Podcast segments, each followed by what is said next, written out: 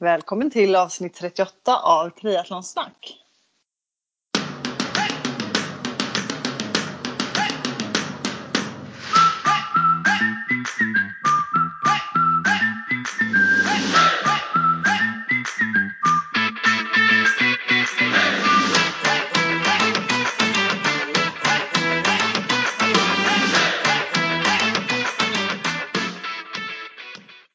Med mig Sofia Häger och med dig Therese Granelli. Jag? Med mig? Ah, hur är Roligt att jag läget? ska säga ditt, ditt namn också. Eh, jo men läget är bra. Precis som jag sa till dig innan här när vi drog igång så har jag ganska mycket på jobbet. Har lite jobbfokus kan man säga de här veckorna. Lite lugnare träning. Eh, framförallt. Ja, lugnare träning, mer med huset och med jobbet helt enkelt. Ja precis. Men det är också bara det är också, också liksom roliga grejer. Så att, eh, men det kan det- ju ändå. Ja. Men jag tänkte fråga om eh, hur påverkar inte corona och så jobbet eh, längre? Eller hur, eller ni kanske aldrig varit påverkade, ni har haft lika mycket att göra hela tiden? Ja, eh, Mm. vi har haft lika mycket att göra hela tiden ska jag säga. Och, alltså standarden är väl att folk ska jobba hemifrån fortfarande. Mm. Mm. Eh, om de kan. Så det finns ju en hel del folk på kontoret men absolut långt ifrån alla. Ehm, och jag jobbar ju på kontoret nu för att eh, vi har som jag nämnt innan inget wifi i huset än som är snabbt och smidigt. Ehm, Men det är okej att gå till kontoret då? Det är inget så att man får inte vara där utan det är okej att vara där. Men de flesta är hemma. Ja, precis. Det kanske är en fjärdedel som sitter på kontoret om jag skulle gissa. Mm. Mm. Eh, Alla kan ju inte sitta hemma eh, på grund av familjemedlemmar eller ja, men wifi eller eh, vad det kan vara. Så Ja. ja, men det funkar ändå bra. Jag tycker det är så kul att bara gå till jobbet. Jag tänkte Alltså, säga det och få lite socialt eh, Ja. Så jag har inget emot det nu när jag bor 600 meter ifrån kontoret också. Nej, då är det skönt att bo så nära. Men träningsmässigt då? Jag, kan inte, jag har svårt att tänka mig att du inte, eller jag vet att du inte, inte tränar, du kör på ändå. Men lite Ja. lugnare. Ja, men jag kör ungefär lika mycket. Det är bara att jag, alltså när jag har så här mycket och det tajmar ganska bra för jag pratade med min coach att jag ville fokusera mer på löpningen och få upp den, alltså främst distansen i löpningen. Mm. Eh, Eftersom jag förhoppningsvis ska tävla i oktober. Om det nu I blir någonting. I triathlon eller i Ja, löpning? precis. I triathlon i Luxemburg. Åh, vad kul. Eh, vi fick, jag fick precis idag ett mail med liksom massa här ändringar de har gjort för att få det liksom coronagodkänt. Så det verkar ja. ju ändå som om de kanske får igenom den här tävlingen. Jag vet Är, inte. är, det, är det Ironman? Ja precis, en 70,3. Så en medeldistans. Åh men gud vad kul. Och jag hoppas verkligen att det inte ställs in då. För det känns ju som allt har gjort hittills.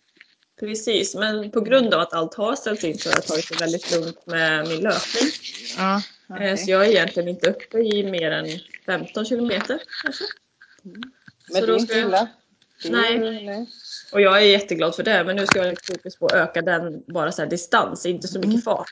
Och Nej. då blir det mer lugna pass och då har vi också dragit ner intensiteten på alla mina andra pass och cyklingen också. Så det jag säger med att jag tränar lite lugnare är att jag har inte så mycket liksom, intervaller egentligen. Det är skönare pass helt enkelt. Lite mer bekväm zon.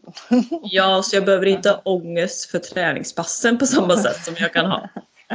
ja. Eh, Utan det det är- är mer, mer liksom så här zon 2, skönt för hjärnan att få rasta Mm. fast jag har haft mycket på jobbet. Förstår. Eh, Så det tajmar ganska bra. Härligt. Och då håller jag verkligen tummarna att du får åka till Luxemburg. Gud vad kul. Jag blev Ja. lä- lätt avundsjuk på dig. Ja. Men eh, jag ska inte säga, inte hoppas på för mycket nej, nej. Det ska vi inte. än. Eh, och hur har du det då? Ja, men jag det bra. Nu har vi kommit hem igen från eh, semestern. Den långa semestern som Ja. vi har haft. Så det är också skönt att komma hem till och skapa lite rutiner igen. Och jag som gillar då min styrketräning tycker det är skönt att vara hemma till gymmet och kunna gå dit och lyfta tungt. så jag som har, jobbat, har ju grejer hemma och tränat så men där blir det ju lite lättare grejer och mer högintensiva pass. Så riktigt träningsverk jag haft några dagar nu. Det har jag saknat. Riktigt härligt. Skönt. Mm, verkligen. Så, eh, och jag har väl kört, börjat köra lite så. Tänkt varannan dag styrka, varannan dag kondition. Så det har jag hållit nu. Då. Det är ju andra veckan vi är hemma, så det är inte så länge. Men det har varit mitt så, eh, ja, mitt egna lilla upplägg helt enkelt. Och så i, vad var det, i fredags, för jag köpte mig en ny mountainbike. Jag sålde min racercykel och köpte mountainbike istället. Så det var lite roligt. Så nu har jag cyklat lite mountainbike också. Oj, eh, coolt! Ja, alltså jag, jag gillade ju det väldigt mycket innan att cykla. Jag har cyklat cykelvasa några gånger och så. Eh, och så sålde jag den när jag köpte triathloncykeln för jag sa jag får inte ha mer än två cyklar samtidigt. jag får inte plats. så kände jag nu också att, för jag cyklar ju mycket med Malte i cykelvagnen och jag känner att en mountainbike är mycket bättre för det syftet än en racer. Alltså jag kan inte koppla på honom där och så, så ligga i eh, tempoavställning liksom. Nej, Utan då är mountainbike mycket bättre. Så därav var också en stor anledning till att jag kände att jag behövde en sån cykel. Men kommer du köra liksom i skogen eller är det mest på grusväg eller hur? Alltså jag är mer för grusväg. Eh, och ja. sen då, och, alltså, det kommer också bli en slags pendlarcykel. Det är det jag ser lite att eh, jag, kommer, jag har en mil till jobbet och där cyklar jag jättemycket innan jag gick på mammaledighet.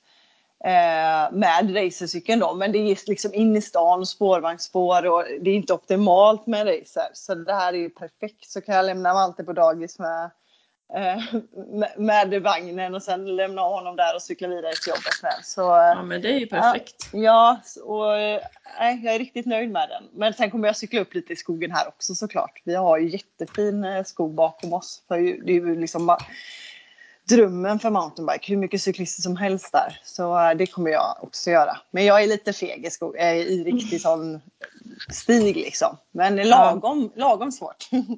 Ja, men då kan jag göra en liten annons här till våra lyssnare då. Om det är någon som, för jag är ute efter en gravelbike. Vad är det?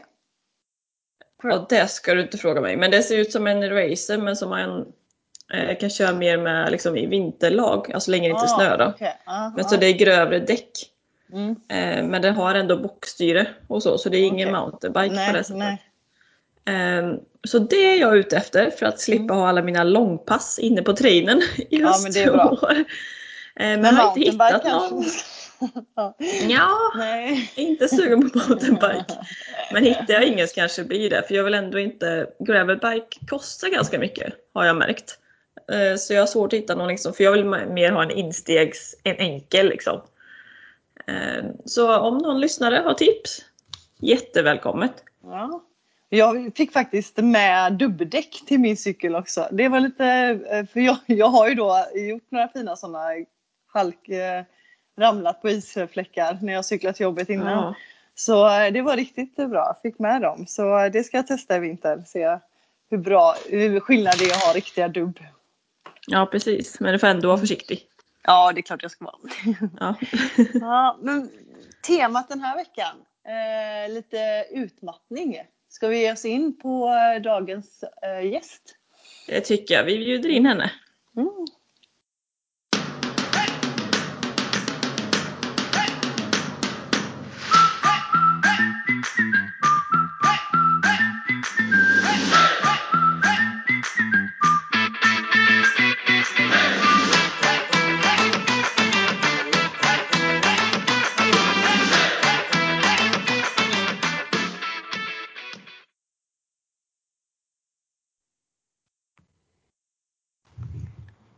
Julia tog kontakt med oss och upplyste om vikten att prata om utmattning och överträning i relation till triathlon. Och att, som Julia säger, det kan, det kan komma även om man bara gör sådant man tycker är kul. Hon har själv erfarenhet från utmattning och är på väg tillbaka. Hon beskriver sig som en löpare som kör triathlon och hon jobbar i träningsbranschen då hon driver eh, ett i trimcenter i Stockholm. Men hon ska få berätta mer själv och leda oss in i detta viktiga ämne. Välkommen till podden Julia!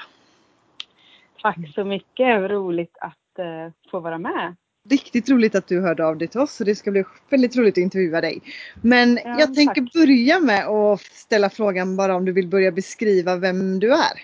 Vem är Julia? Ja, ja nej men, eh, en bra beskrivning där. Jag eh, är 37 år, bor i Stockholm, kommer från Göteborg ursprungsvis men har bott i Stockholm i hela mitt vuxna liv. Eh, bor med min sambo Artur. Har en dotter som är fem och sen en bonusson som är 13. Ehm, och eh, jag är egen företagare då, jobbat i träningsbranschen i ja, men snart 15 år eh, och eh, hållit på med träning ja, men, nästan hela livet men ännu mer i vuxen ålder när man var yngre så provade man mer på liksom, fotboll och badminton och lite sprint och sådär. Eh, och sen så triathlon har jag på med i kanske två, tre år ungefär. Eh, men det är löpning som är liksom min, min grej. Ja, kul! Vill du bara liksom beskriva varför du kontaktade oss om det här ämnet och varför du tycker det är viktigt att ta upp? Ja, som det blir när man liksom hamnar i någonting som jag hamnat i så det blir ju liksom allt som är runt omkring en. Eh, samtidigt som jag känner att jag vill liksom inte vara min, min utmattning så heller men, men jag vurmar ju mycket för och tänker mycket liksom vikten av hur viktigt det är för oss högpresterande, överambitiösa tjejer och killar att liksom verkligen tänka på det här. För jag, jag trodde aldrig att jag skulle hamna där jag hamnade. Eh, För jag har liksom alltid älskat ett högt tempo. Jag har varit superduktig på att, på att liksom prestera och ha många bollar i luften. Och jag har liksom tänkt att om jag bara gör roliga saker som jag tycker är kul och allting funkar bra, varför liksom skulle jag hamna i någon form av liksom utmattning? Eh, men det är ju verkligen så att vi vill ju klämma in allting liksom utan att göra avkall på något annat. Man vill kunna liksom prestera bra på jobbet, man vill kunna träna mer, man vill kunna träna ännu mer i perioder eh, och man ska samtidigt få ihop, få ihop livet med, med om man har familj eller man ska vara med vänner och det ska vara snyggt och städat hemma. Och det, man behöver liksom extra pauser då på riktigt för att inte hjärnan ska ta stryk, eller kroppen också för den delen. Mm, för att förtydliga innan vi går in eh, djupare på ämnet så ska vi prata eh, eller så ska vi prata om eh, det vi ska prata om så har du ingen utbildning på pappret eh, men eh, kommer prata utifrån egna erfarenheter och lärdomar. Visst är det så? Ja men precis, det är jätteviktigt att säga att jag har verkligen ingen liksom, medicinsk kunskap och jag har ingen liksom, kunskap heller egentligen kring utmattning eller överträning så. Och alla är ju olika och det här är mina erfarenheter och säkert att någon som då lyssnar på det här känner att nej men det där håller inte jag med om.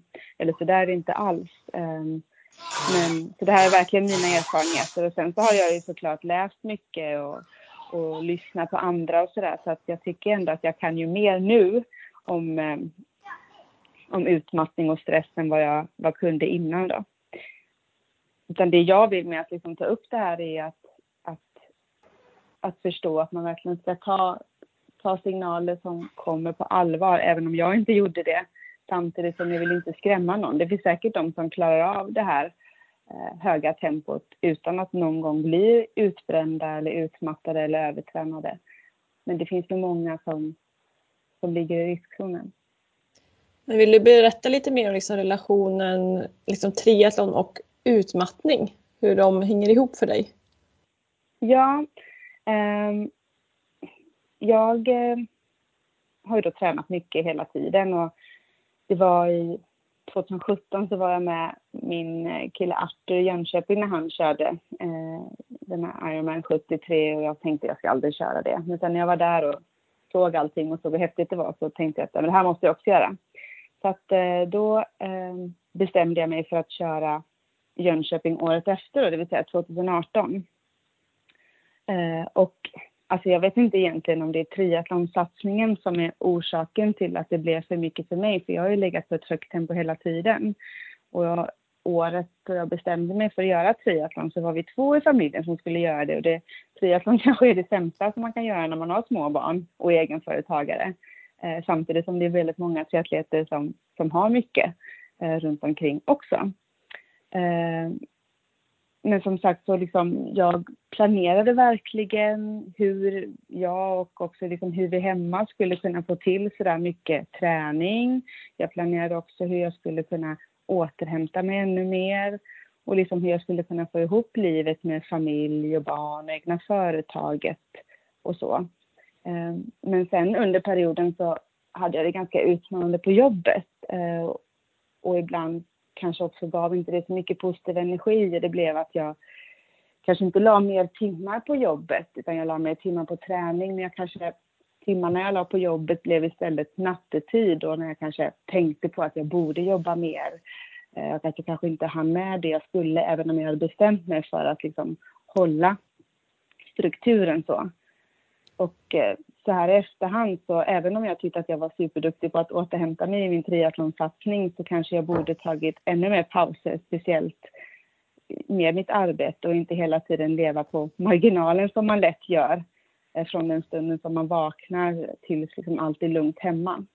Och det är så livet är, så det är jättesvårt att få ihop det. Alla pratar om det där livspusslet. Så du menar att eh, triathlon, när du började med triathlon blev det nästan lite det som gjorde att bägaren rann över, även fast det var kul? Ja, ja men alltså i, återigen så tror jag inte att själva liksom, det föll sig lite olyckligt att, att det blev så här när jag satsade på triathlon. För även om det finns säkert väldigt många runt omkring mig som lyssnar på det här och säger att nej, men det kanske var den här triathlonsatsningen som fick bägaren att rinna över, så tror jag att det, var, det är säkert en kombination av allt. Och det var en period då jag hade det väldigt tufft på mitt arbete eh, och gjorde verkligen det jag kunde och allt jag förmådde för att allting skulle bli bra. Eh, men jag gjorde inte avkall på träningen utan jag satsade på det samtidigt. Eh, och jag kanske hade behövt att träna mindre under en period eftersom det var ganska påfrestande på jobbet. Så. Eh, men jag tänkte att nej, men nu ska jag satsa på triathlon. Jag fixar jobbet, jag fixar det på de här timmarna. Eh, och jag återhämtar mig, men jag låg på nätterna och tänkte på arbetet. Liksom. Så, så det föll sig liksom lite olyckligt att allt kom på samma gång. Men hur skulle du beskriva vad utmattning är och skillnaden till överträning?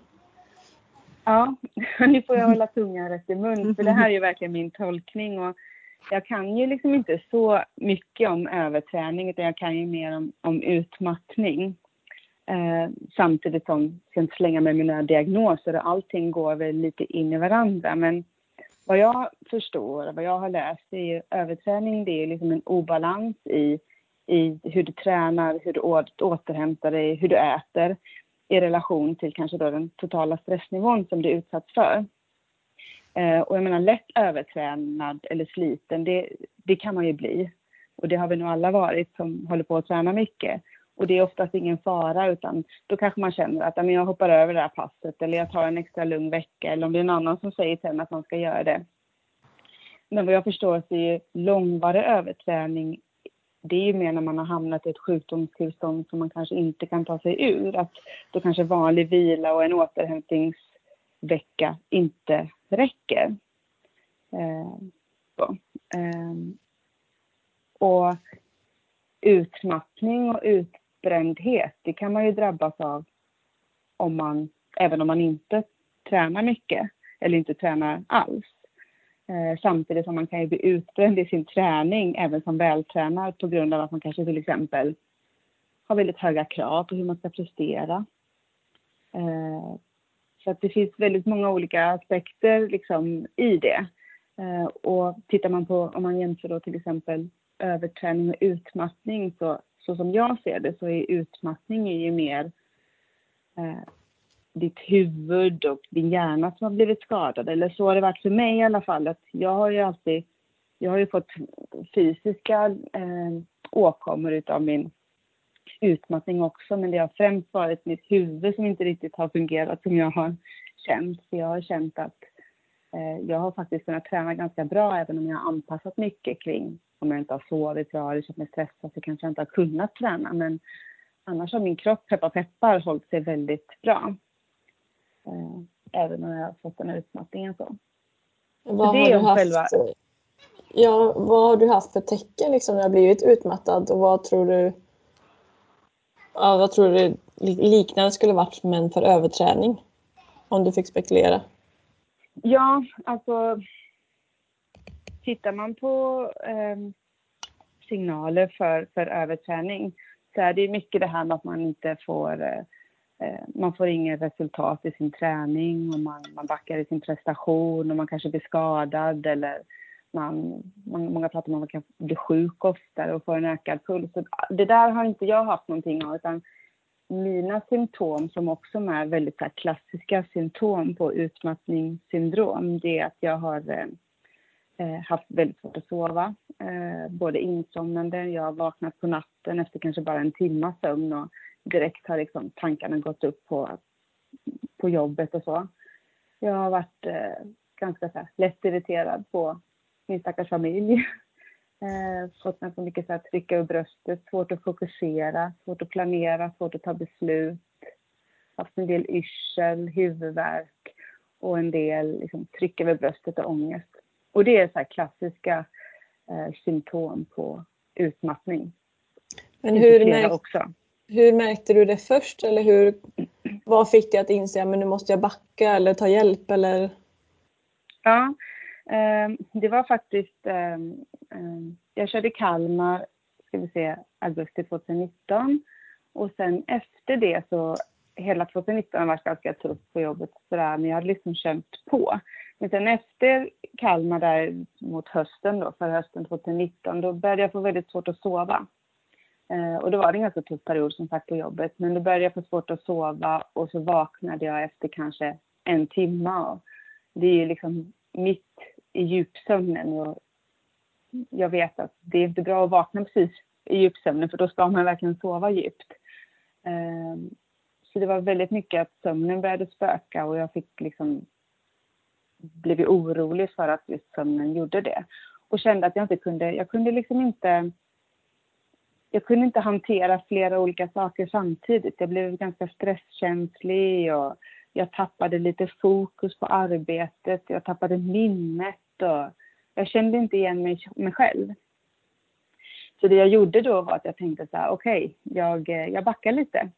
Jag eh, tar lite paus. Jag eh, tog en extra lång julledighet Eh, och kände att eh, tränade lite mindre, lite lugnare eh, och tänkte att ah, men nu, nu kommer jag tillbaka. Jag har bara varit lite, jobbat på lite för hårt ett tag. Mm. Och som man gör då så är man duktig på att återhämta sig. Och eh, så tänker man att nu har jag återhämtat mig så nu kan jag köra på lite hårdare för att ta igen det jag återhämtat mig för. Så att då gick jag tillbaka och sen så har det varit en jojo fram och tillbaka sen dess, skulle jag säga. Eh, vet du hur farligt det kan vara för hälsan att ligga på gränsen under en längre tid? Ja, alltså det, det är ju säkert väldigt skadligt. Eh, och eh, jag kan inte säga exakt eh, hur skadligt som det är, men vad jag tänker så borde det vara så att ju längre som du ligger på den här gränsen och ju längre som du liksom faktiskt går förbi gränsen desto större kommer ju menen vara och också tiden att, att rehabba dig och kunna komma tillbaka. Eh, och just varför jag tycker att det är extra viktigt att prata om det här för oss då som håller på med träning. Alltså vi är ju, jag pratar om vi, vi är ju väldigt duktiga på att liksom, vi är trötta, men vi kämpar på lite till och vi kanske egentligen inte orkar men vi kör på ändå. Vi har ju liksom tränat oss till att klara av det. Annars så skulle vi aldrig orka att liksom göra typ en Ironman till exempel. Eh, och då är det också väldigt svårt att, att kanske lyssna på kroppens signaler när man är lika trött fast man är det i huvudet. Förstår ni vad jag menar? Mm. Mm, så vi, liksom, vi tar oss själva över gränsen och ja, man pratar också så om folk som blir utbrända eller folk som eh, är utmattade. Att här, ja, men jag kommer inte upp i sängen. Eh, jag kan inte röra på mig, jag orkar inte träna, jag har ingen ork. Och jag tror någonstans att jag kanske inte har haft den orken. Jag kanske inte har kommit upp i sängen, men jag är jäkligt bra på att, att pressa mig själv, för jag har tagit mig upp ändå. Man går liksom förbi det som kanske egentligen inte är möjligt och det kan också vara svårt tror jag eh, när man kanske då träffar läkare eller kuratorer för man, man tycker att man känner sin kropp väldigt bra. Eh, och man är inte en vanlig person utan man, man är liksom lite, lite extra, man klarar lite mer än vad, om man får uttrycka sig, vanliga människor gör. Lite mer smärttålig på ett sätt. Ja men precis. Eh, hur mycket eller hur stor del tror du liksom brist på rätt nutrition och sömn har bidragit? Eller bidrar i generellt till utmattning? Ehm, jag tror att det har jättestor påverkan. Ehm, verkligen. Ehm, alltså för din återhämtning, hur, att du äter tillräckligt och att du sover tillräckligt. Um, och för mig så, jag tror att jag, jag kanske borde, vad heter det, sovit mer och, och ätit mer också men eh, det är verkligen att man får till den här riktiga återhämtningen som jag tror är viktig. Eh, för mig har det varit mycket i mitt huvud att jag har ju vilat och tagit eh, perioder av liksom extra lugna veckor och så, men jag har ju kanske aldrig vilat i mitt huvud eh, någon gång. Men om vi tänker både överträning och utmattning, tror du att om man tänker träning, tror du att volymen eller intensiteten är det som, är, som påverkar mest negativt om man ligger på gränsen? Uh, ja. Eller kombination kanske? Ja, men alltså för överträning så är det väl både och tror jag. Alltså att du tränar på för hårt mot vad du liksom, din kropp klarar av och mot vad du återhämtar dig. Eh, att du gör både kanske för hårda pass och för lugna, eller för, för långa pass. Eh, allt beror på vad, du klarar av, men jag tänker samtidigt som jag eh, jag tror inte att man ska vara rädd för när man är utsatt för stress eller när man är utsatt för alltså jag tänker stress i arbetet eller man har för mycket att, att man kanske inte bara ska göra superlugna pass eller man kanske inte ska bara göra yoga och hålla på med och, och sluta med det man håller på med men att man att man kanske gör det mindre i så fall. Eh, att du kanske kan träna på hårt men du kanske ska korta ner dina pass eller eh, eh du kanske behöver sova ännu mer under den perioden om du ska klara av den den höga dosen av träningen som du gör. Men du anser inte att du har varit övertränad utan utmattad? Eller har ja. du no känner du någon relation liksom till överträningen? Eller några tendenser på det? Nej, jag ska inte säga det. Ehm, eftersom jag ehm, tycker att min kropp hela tiden har, ehm, har liksom svarat väldigt eh, bra. Och det finns säkert de som sätter sig emot det men jag har liksom, jag har varit ganska noga med att, eh, att se till att okej okay, men har jag haft en dålig natts sömn så jag har tänkt mycket på någonting och, och det har varit i flera dagar så, så tränar jag inte så som jag har tänkt. Så jag förstår att jag kan inte gå ut och köra hårt när jag liksom sover tre timmar i snitt eh, per natt. Eh, så att, eh, vad var frågan? Tappade. Mitt minne är jättedåligt. Vad var frågan? Om du, om du känner att du har varit övertränad eller endast ja, eh, utmattad om man nu kan säga ja. bara utmattad. Sorry. Eh, nej men och sen så har jag också jag har följt min puls mycket. Alltså så här, man vaknar på morgonen och pulsen är högre än liksom, eh, vad den brukar, min vanliga vilopuls. Så har jag också liksom följt det. Så jag har liksom inte pressat kroppen så hårt på det sättet utan jag har, liksom varit, jag har varit mycket snällare mot min kropp än mot mitt huvud. Kanske för att det är lättare att vara det. Tror jag. Mm. Så att eh, jag tror inte att jag har haft, och jag har hållit mig eh, skadefri också, vilket jag också tror är ett tecken på um, att jag inte har varit övertränad. Jag hade en period när jag blev lite mycket sjuk. Uh, men det tror jag också, alltså jag vet inte, jag hade min dotter på förskola och hon var sjuk typ hela tiden så man vet inte vad som liksom är hönan och vad som är ägget. Nej, precis. Um, men för mig har det varit mycket liksom, mitt, um, min utmattning och liksom att jag inte har kunnat fokusera. Och egentligen, alltså för mig har det också varit det, varför jag inte tror att jag har varit övertränad, just för att enda gången då jag har känt att jag inte känner det här liksom, ångestpåslaget eller stressen eller förvirringen som jag har känt är när jag har varit ute och tränat. Jag har inte känt att jag, gud jag har sån ångest, jag måste sticka ut och springa bort ångesten, utan jag har mer känt att liksom, nu känner jag mig fri. Um, och um, jag tror om man är övertränad så sätter, sätter det lite käppar i hjulet med själva träningen också. Vad tycker du man bör göra om man ligger på gränsen men har uppsatta mål som man inte vill tumma på? Ja. jag tycker definitivt att man ska ta hjälp eh, av en coach. För en, en, coach som kan hjälpa dig att se utanför boxen. För återigen, eh, är man van att liksom sätta höga krav på sig själv, gillar att prestera, prestera och van att liksom ta i, så är det ännu svårare att faktiskt lyssna på kroppen. Eh, om man tänker att ja, jag ska följa det här schemat, jag ska ju nå det där målet och det är så himla roligt det jag håller på med.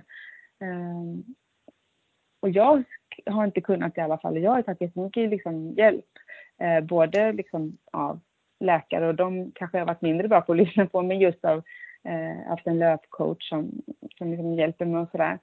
Att, att ta hjälp så att någon annan kan hjälpa dig och bara bestämma vad du ska göra. Det är så skönt att ha någon som säger till, någon, till en, nu ska du vila, nu ska du göra det, här, nu är det dags för en lugnare vecka, nu är det dags för en hårdare vecka. Eh, man slipper liksom också bli orolig om man faktiskt gör rätt. För det finns så mycket tankar eh, som folk har runt omkring en. Eh, som man blir färgad av tycker jag också. Eh, och tänker mycket på. Och de tankarna kan ju också bli en stress. Eh, som kan göra det sämre och göra att man faktiskt hamnar i någon form av utmattning eller utbrändhet för att man har tänkt och oroat sig för mycket. Men hur skulle du säga att man skulle göra om man om man kanske är på väg dit men man är, man liksom är osäker på om man är på väg att bli utbränd. Om man är liksom en aktiv person precis som du som gillar liksom att ha fullt upp och många bollar i luften och man tycker att det är jättekul. Men man är ändå osäker mm. på om man kanske kan vara på väg in i fel spår. Mm. Vad tycker du man ska göra då om man ändå går i de tankarna? Ja, eh, och de här sakerna som jag säger nu då kan ju, låter ju väldigt lätt. Jag har inte gjort det, för jag har inte riktigt alltså, lyssnat på min efterklok. kropp. Väldigt lätt, jag blir liksom en professor i det här. Men, men just att om du, om du har en period där du inte känner igen dig då, jag tänker överträningen, att man inte får några resultat, att man känner att man är öm i kroppen, man har en ökad puls, ökad puls man, man har svårt att sova och, eh, och man får inga resultat i träningen, till och med backar resultaten i, i, sin träning. Så det första man behöver göra är ju liksom att kanske då ta en, en lugn vecka eller lugnare veckor. Eh, och se över, kanske sova mer och försöka koppla bort och sen så gå tillbaka och se hur kroppen svarar då. Eh, och det gäller ju samma om man då känner, har tendenser till, liksom, till en utmattning, man känner att man, man känner sig stressad och pressad och man kanske får hjärtklappning och kroppen känns konstig och man kanske har tryck över bröstet. Att, att prova det först. Och det var ju det jag gjorde, som jag berättade förut, att jag tog ju den där pausen på julen eh, och tänkte att det skulle gå bra för mig tillbaka. Men det jag gjorde var att jag gick tillbaka liksom då kanske 110 procent. Jag tänkte nu har jag varit nere på typ 50 procent. Så det kanske är tipset att gå tillbaka lite lugnare då och successivt komma tillbaka till där man var förut. Och är det så att man fortfarande, att det kommer tillbaka till en, då bör man verkligen lyssna på de signalerna och ta det på allvar och ta hjälp. Kanske gå till vårdcentralen, ta hjälp av en coach, prata med andra. För det är också någonting i det här som jag tror är väldigt viktigt, för det känner jag ju själv. Och, eh, nu pratar jag om det där, i den här podden, men alltså, man känner ju en skam av att man inte liksom klarar av, alla andra klarar ju av att ligga på ett högt tempo och fixa det där livspusslet och man känner skuld att man kanske inte orkar med allting på arbetet som man borde och att man liksom inte får ihop det. Eh, så det kan ju vara lätt att man vill prestera i det också. Så lyssna på kroppens signaler, våga ta hjälp eh, fort så att inte det går riktigt illa. Du kommer klara det ändå, även om du liksom tar de här pauserna. Du kommer göra det till en starkare människa. Och det är kanske är bättre att ta hjälp i onödan än att vänta för länge och sen att det ja, är men för sent. Eller hur? Vad har man att förlora? Jättebra. Det är en jättebra steg. Men hur har din väg tillbaka varit? Och kan du rekommendera hur eller vart man kan få hjälp? Både om man tror man är på väg dit eller redan hamnat där. Mm. Ja, um, alltså jag skulle inte säga att jag är inte bra än. Jag tycker knappt jag har börjat för hela det här, och sånt där, det har inte varit ett år, men säg ett halvår av min jojo eh, egensnickrade rehaben som jag har, även om jag liksom tagit mycket hjälp, det har ju också varit en process. Och jag tycker att först nu när jag både vågar prata om det, när jag har tagit en paus från mitt arbete under en period nu framöver. Ehm, det är då jag börjat förstå. För när jag tog den här pausen på julen så fattade jag inte vad jag höll på med. Så. Men ehm, jag tror också att det tar väldigt lång tid att, att ta sig tillbaka. Um, och jag har ju hört folk som liksom aldrig kommer tillbaka och det skrämmer mig jättemycket att jag inte kan komma tillbaka till den här högpresterande personen som kan hålla alla bollar i luften samtidigt och leva på marginalen. Samtidigt som jag förstår att jag kanske inte kan... Alltså det kanske inte är bra att göra så, levt så som jag har levt heller. Eh, men jag tänker att, att våga ta hjälp, gå till en vårdcentral, eh, höra av dig till en coach, sjukgymnast, kanske naprapat, eh, prata med andra. För det är många som tror jag har känt av de här tendenserna men kanske liksom viftat bort dem och jobbat på med sitt pussel så. Um, men uh, ja. Jag är fortfarande du... väldigt känslig för stress. Mm. Det kommer ja. jag kanske alltid vara också. Vad, vad har liksom läkare sagt om du vill gå in på det? Eh, att det liksom, mm. För du har ju sagt eh, här att ditt minne är lite sämre till exempel. Har de sagt det, mm. man tränar tillbaka det eller kommer det vara så? Eller? Ja, alltså jag hoppas verkligen att jag får tillbaka mitt minne. Jag tycker i och för sig att minnet blir sämre när man liksom, från det att man var gravid tills man ammade och liksom, alltså, det kan ju vara sådana saker också som har påverkat eh, och sådär men, men eh, minnet kan man ju träna upp har jag hört och jag har ju läkare har sagt till mig att man, att man, man kan, man kommer bli bra.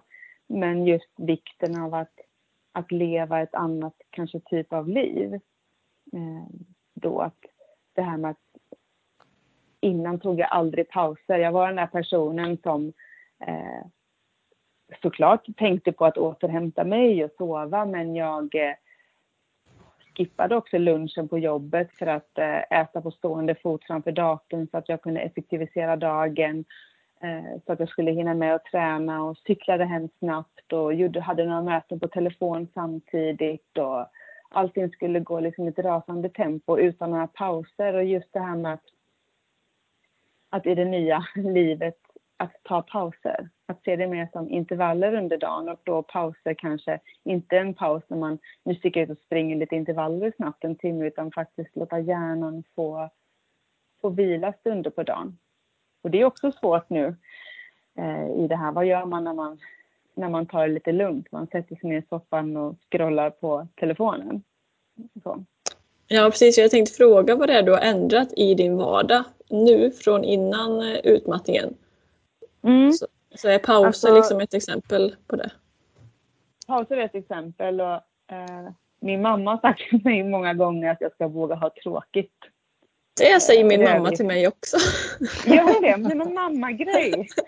Det kanske vi kommer säga till våra barn också. Du måste lära dig att ha tråkigt, brukar jag. Jag bara, men vilken tråkig grej att säga. Det kan vara mamma säga. Men alltså någonstans att, liksom, att faktiskt göra ingenting. Eh, och liksom bara så här, hänga runt. Och jag har varit ganska dålig på det. För jag så men okej, okay, när man är hemma, det finns inte tid att inte göra någonting. Alltså man kan alltid göra någonting. Man kan alltid plocka lite, man kan alltid städa lite, man kan alltid beställa något från nätet.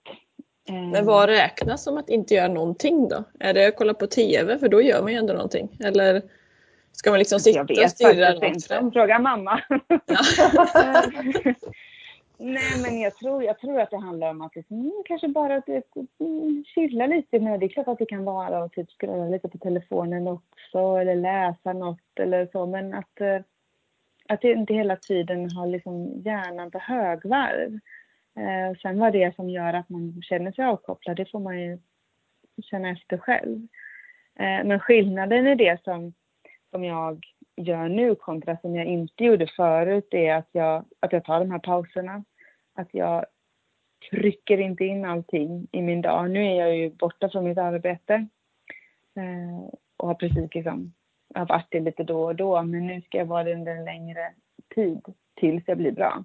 Eh, tidigare har jag liksom tagit upp att nu är jag borta några veckor och så kommer jag tillbaka så är allt bra sen. Men nu har jag bestämt mig för att jag ska bli bra. Sen kommer jag tillbaka även om jag är egen företagare.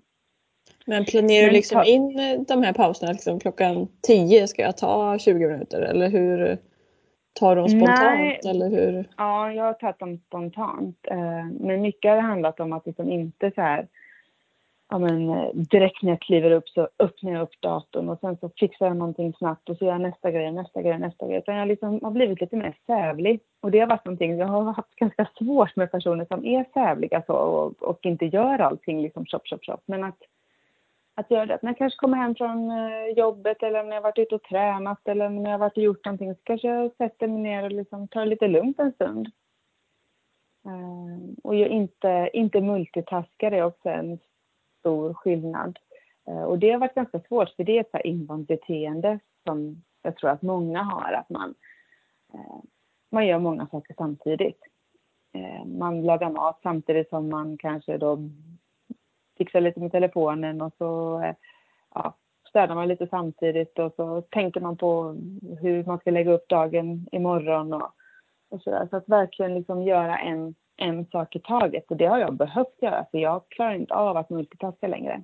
Och det har varit min grej. Jag har varit en supermultitaskare. Så dels ta pauser, inte multitaska, och fokuserat ännu mer på sömnen. Jobbat mycket med eh, kallas sömnhygien. Alltså att jag verkligen tar tid för sänggåendet och ganska tråkiga saker egentligen. Tycker jag faktiskt att det är så här att varva ner innan innan sänggåendet att lägga fram i mobilen. Eh, och att eh, ja, ha det svalt i rummet. Jag har köpt ett tyngdtäcke och lite sådana saker. Det kan man googla på, vilket har hjälpt mig. Då.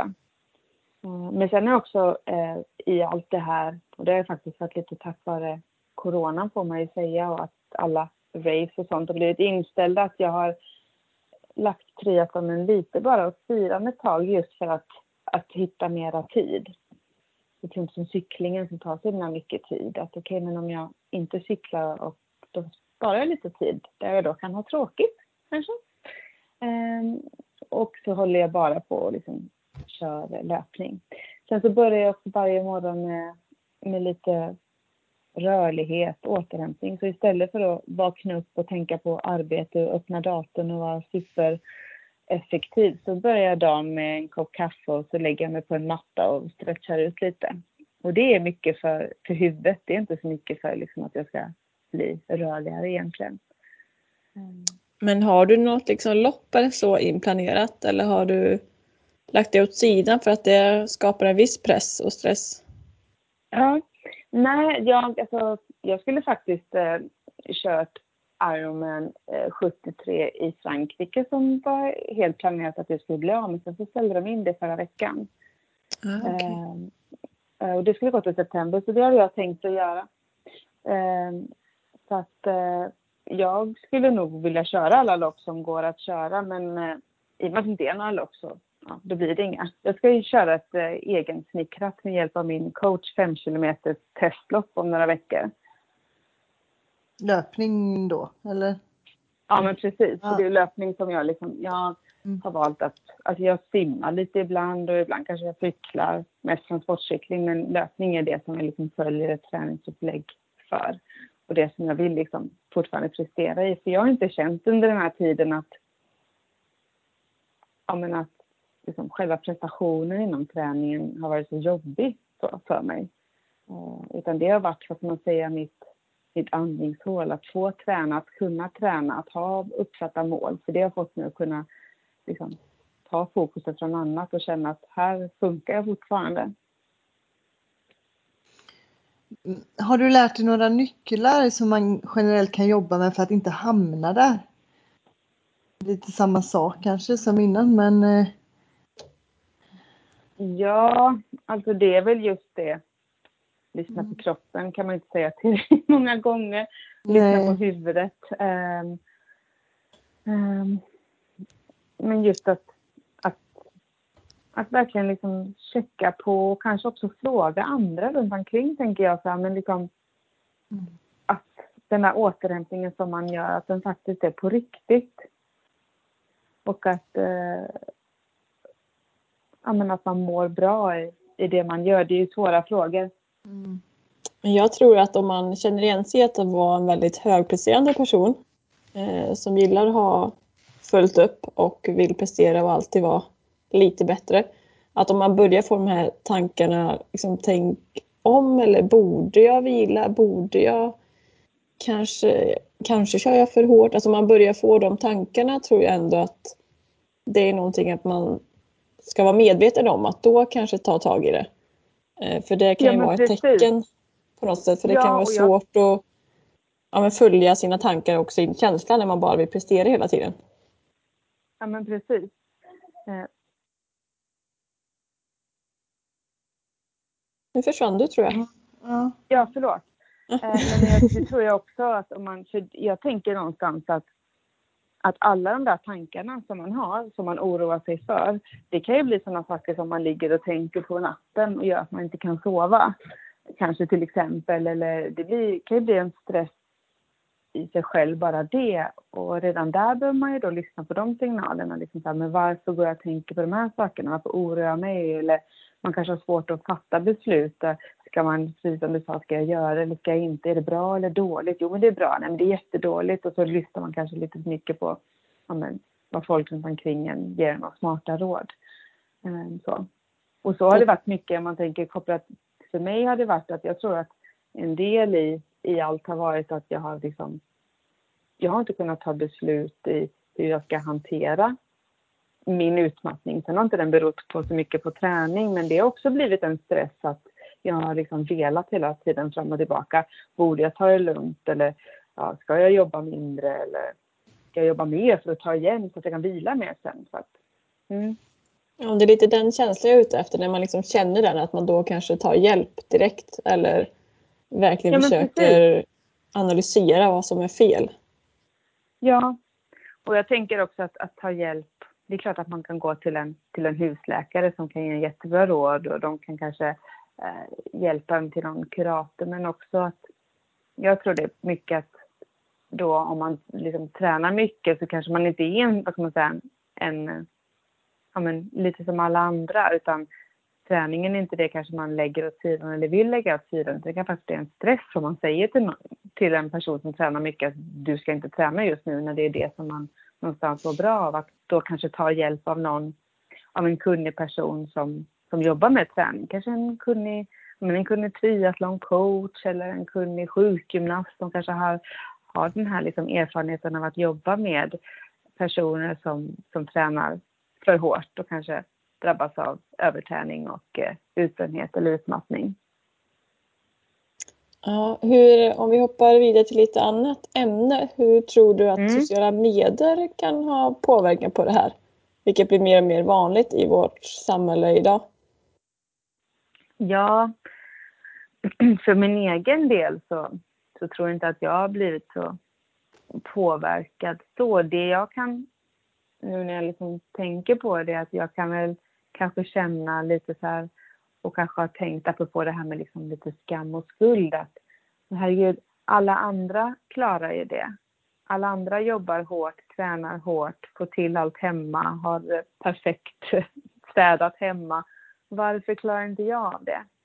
Så på det sättet kan man ju bli påverkad samtidigt som man, jag också vet att jag menar, man visar inte de sämre sidorna i sociala medier. Eh, och alla har ju det tufft. Och, men kanske liksom att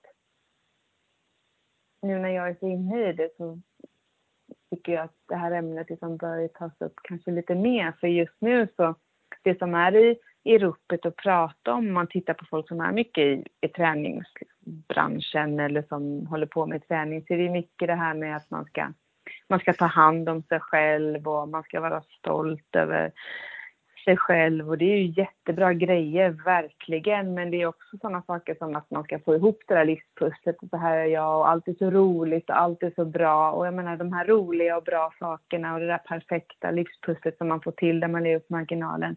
Det kan också bli skadligt. Det var någon som pratade med mig om att man kan hamna, de kallar det för honungsfällan, att för mycket av det goda och roliga kan också bli för mycket även för den som tänker att men jag är så stresstålig, jag klarar av det här. Att, eh, jag ja. tror också att eh, liksom, i sociala medier så tror jag att man jämför sig själv med kanske tio andra konton eller liksom tio andra personer. Liksom. Att en, en som man jämför sig med liksom har ett perfekt hem, den andra får in jättemycket träning, den tredje har en jättebra karriär och den fjärde har världens bästa familj. Eh, och man ser bara liksom... Ja precis, så slår man ihop det till en person och tror att man måste nå upp till den nivån på alla de här staplarna.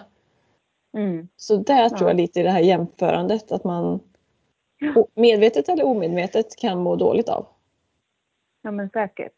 Och jag har ju själv tänkt på det, jag är ingen influencer så som eh, har massa folk som, som följer mig som, där jag tänker hur jag ska, hur jag ska göra så. Men, men jag har ju tänkt lite på det här, okej okay, men jag, jag skulle kunna vara öppen med, med det här som, med min utmattning som jag har. Men liksom, hur ska jag lägga ut det? Jag vill inte att det ska bli snyggt historier och det är väldigt lätt att det blir också saker som att nu har jag varit utmattad men nu ska jag ta mig ur det här. Nu är jag liksom duktig på det och det ska gå fort och jag känner mig bra. Och det är liksom svårt att hitta den balansen att faktiskt vara ärlig i det och eh, så att folk kan få ta del av det på riktigt. Det är jättesvårt. Det kanske andra vet mycket bättre som jobbar med sociala medier men um, så att man får en, en rättvis bild. Mm. Vad har du eh, för mål just nu? Både idrottsligt välmående och annat i livet? Lite om vad, det. Vad, eh, vad menar du? Alltså vad jag, vad jag klarar av?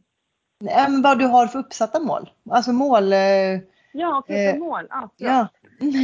eh, ja, men först och främst så har jag eh, Alltså nu har jag som mål att jag ska bli, att jag ska bli bra på riktigt.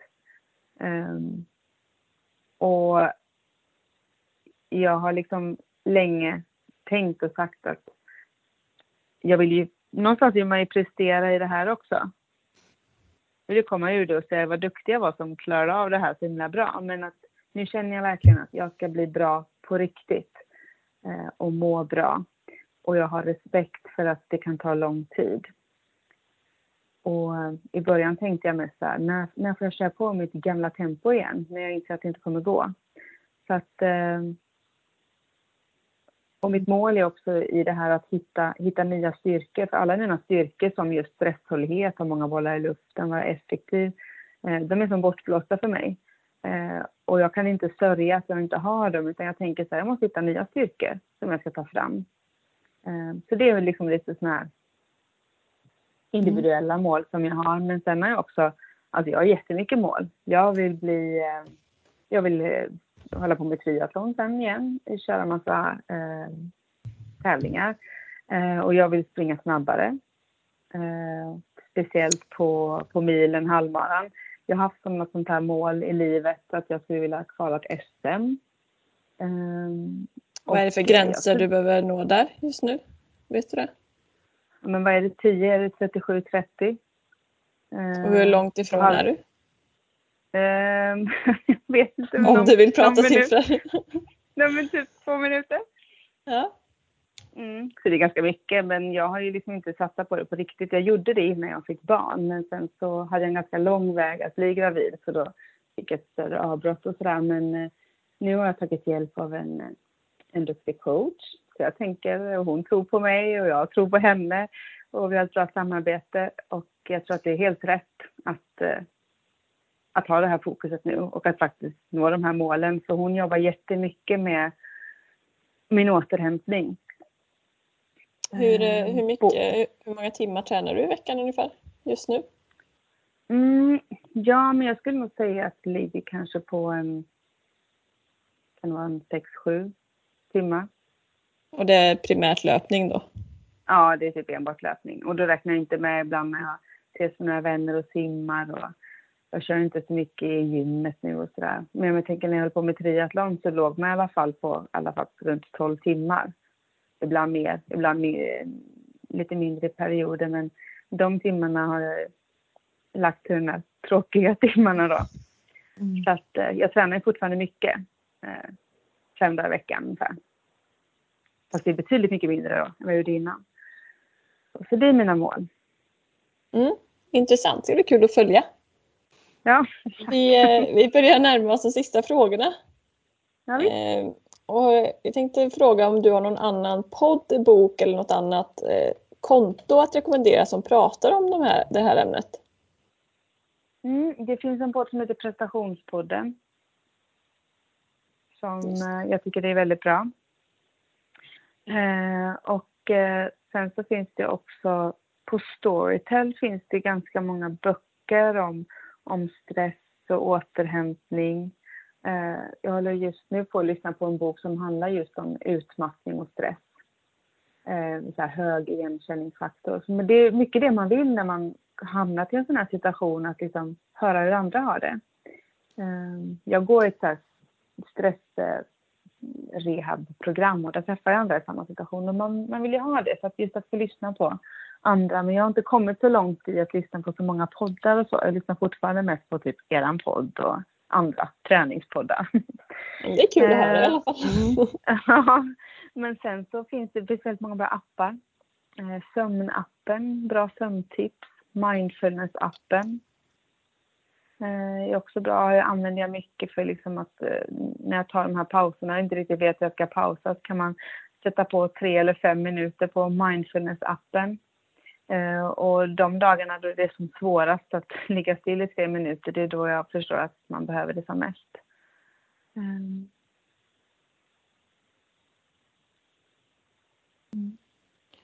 Vad skulle du rekommendera alla som lyssnar att försöka införa i sin dagliga rutin? Mm. Eh, jag tror att starta upp dagen lugnt.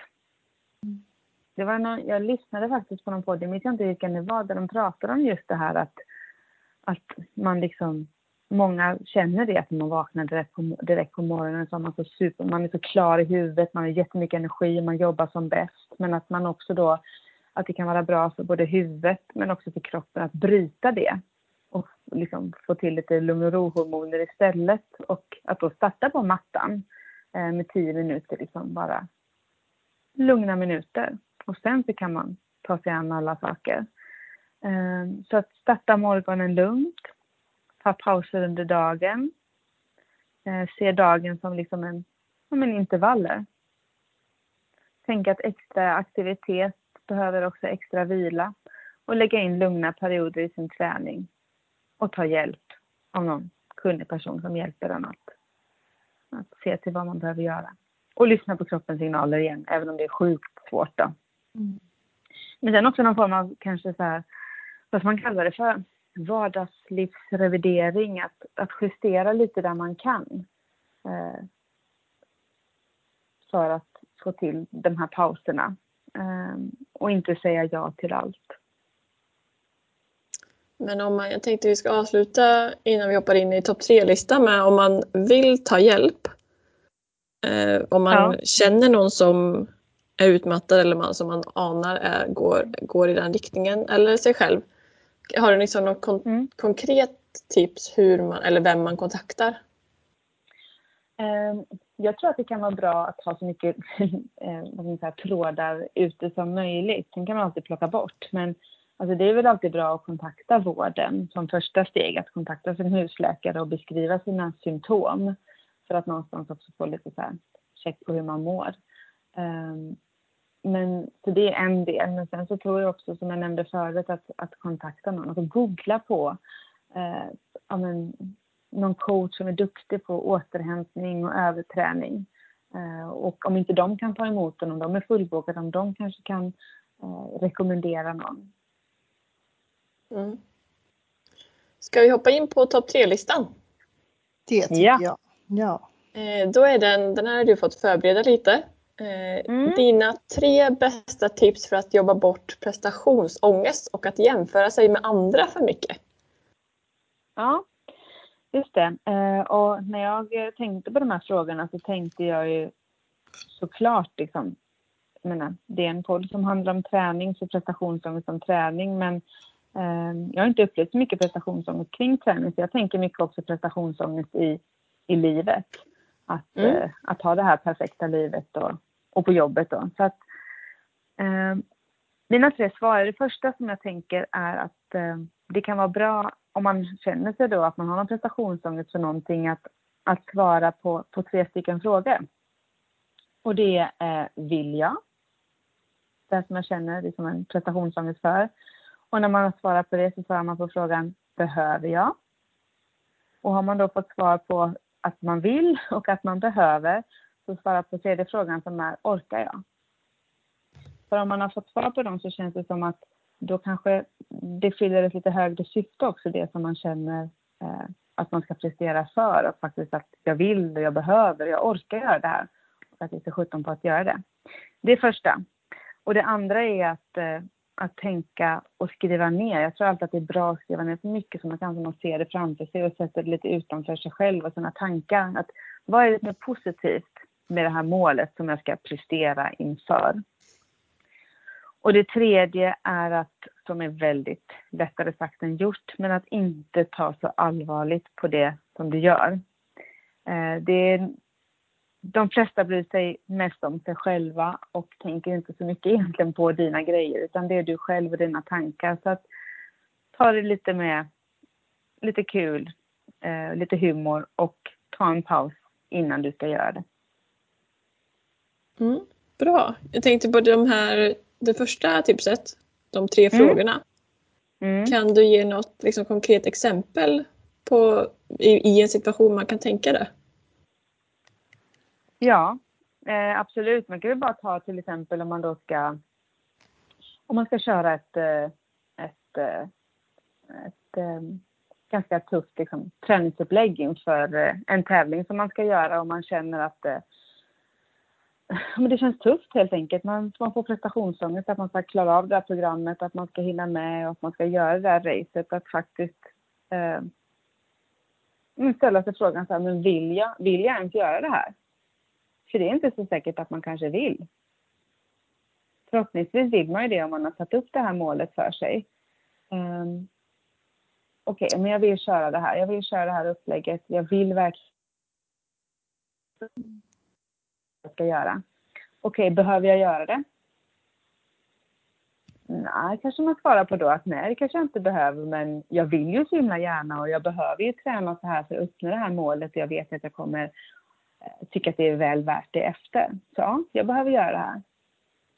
Och sen den tredje frågan, orkar jag göra alla de här sakerna? Kommer det funka i livet? Kommer jag orka träna på det här sättet? Kommer jag orka att nå det här målet? Ja, det tror jag på. Då har man ändå fått lite check och kan ge sig själv lite liksom bra feeling och en liten klapp på axeln att jag vill, jag behöver göra det här och jag orkar. Men det var bra, bra konkret tips. Mm. Mm. Ja. Bra. Superbra. Eh, ska vi avsluta med den roliga fem snabba. Du som har lyssnat på podden vet, har ju hört dem förut. Ja, jag tänkte det också. ja, men precis. Men jag nämnde precis att jag har inget minne så jag har glömt bort dem. Jag tror jag vet vilka det är. ja, men jag kommer säga två alternativ och du ska svara fort helt enkelt. ja. Så är du redo? Ja. ja. Eh, träna med eller utan musik? Ja, mitt nya är utan musik. Aldrig telefon när jag tränar. Den får vara hemma. Träna på tidig morgon eller sen kväll? Usch, tidig morgon 100 procent. Sprint eller olympisk distans? Jag har inte kört någon av det så jag får säga olympisk, det skulle jag vilja prova. Mm. Skavsår eller håll? Skavsår. Håll är hemskt. Varma eller kalla förhållanden under tävling? Varma. Det är så underbart att träna nu när det är så här. Du tycker det, det alltså? Inte på västkusten. Ja, jag tycker det är fantastiskt. Alltså det jag älskar när det är varmt. Ja. Mm. Mm. jag tycker det är svårt att prestera när det är för varmt. Att det tar... Ja, men det är det ju också. Alltså för den saken mm. är det Men det, mm. jag tycker samtidigt att det är väldigt svårt att prestera när det är kallt och man fryser och bara liksom spänner sig. Och, nej. Ja. Eh, men eh, grymt. Du som sagt sprint eller olympisk där också. Då. Du har inte kört något av det. Men du har kört Nej. längre så jag tänker att olympiskt är ju ändå det längsta av sprint och olympisk distans. Det... ja, men det, var, det var lite så jag tänkte. och du tränade ju på milen och halvmara så jag tänkte ja. att det är ju milen i olympisk. ja, precis. Men, bra. eh, Ja, Men. Julia, Julia, jättetack att du var med. Ja, men tack för att jag fick vara med. Jag hoppas att, eh, att eh, alla som lyssnar känner att eh, ja, men lite igenkänningsfaktor och liksom lyssna på kroppen och vara snäll mot sig själv och inte bli skrämd av det här. Så, det är inte alla som behöver drabbas av det här. Men att, eh, Är det någonting mer du vill tillägga innan vi stänger butiken? vad jag säga? nej då, tackar för en bra podd. Ja, tack själv. Eh, nu ska vi dra lite nästa avsnitt. Ja. Vill du ta det Therese? Precis. Nästa vecka så har vi, nästa vecka säger jag att om två veckor har vi Simon Gustafsson från Umara som var startaren, startaren av den. Eller av, av den, av det märket och deras produkter helt enkelt. Det ska bli väldigt roligt. Vad säger Mm. du Sofia? Mm. Yes, och där får ni jättegärna skicka in era frågor till oss eh, som ni vill ställa Simon eller kring Umara. Mm. Så gör det jättegärna på vår Instagram, triathlonsnack. Eller på mail, triathlonsnack.outlook.com. Och Julia, kan man följa dig någonstans eller om man vill ta kontakt med dig? Hur gör man det bäst? Eh, ja, eh, Julia Liv Gedin, G-E-D-I-N, heter jag på eh, Instagram och eh, även på Facebook. Så där kan man kontakta mig om man vill ställa någon fråga. Och jag, eh, om det är någon som har några tankar kring utmattning, utbrändhet och så, så får man jättegärna höra av sig till mig. Jag är ingen expert, men egna erfarenheter och kanske kan eh, lotsa vidare till hur man kan ha hjälp om man känner sig orolig för att man har hamnat i det. Kanske bara kan vara skönt att bolla med någon utomstående. Eh, Ja, precis. För jag har inte haft någon att bolla med själv, så jag hade gärna velat haft det. Mm. Mm. Men grymt! Då Verkligen. Tackar vi Julia och alla lyssnare för den här gången. Tack! Tack så mycket, ha det bra!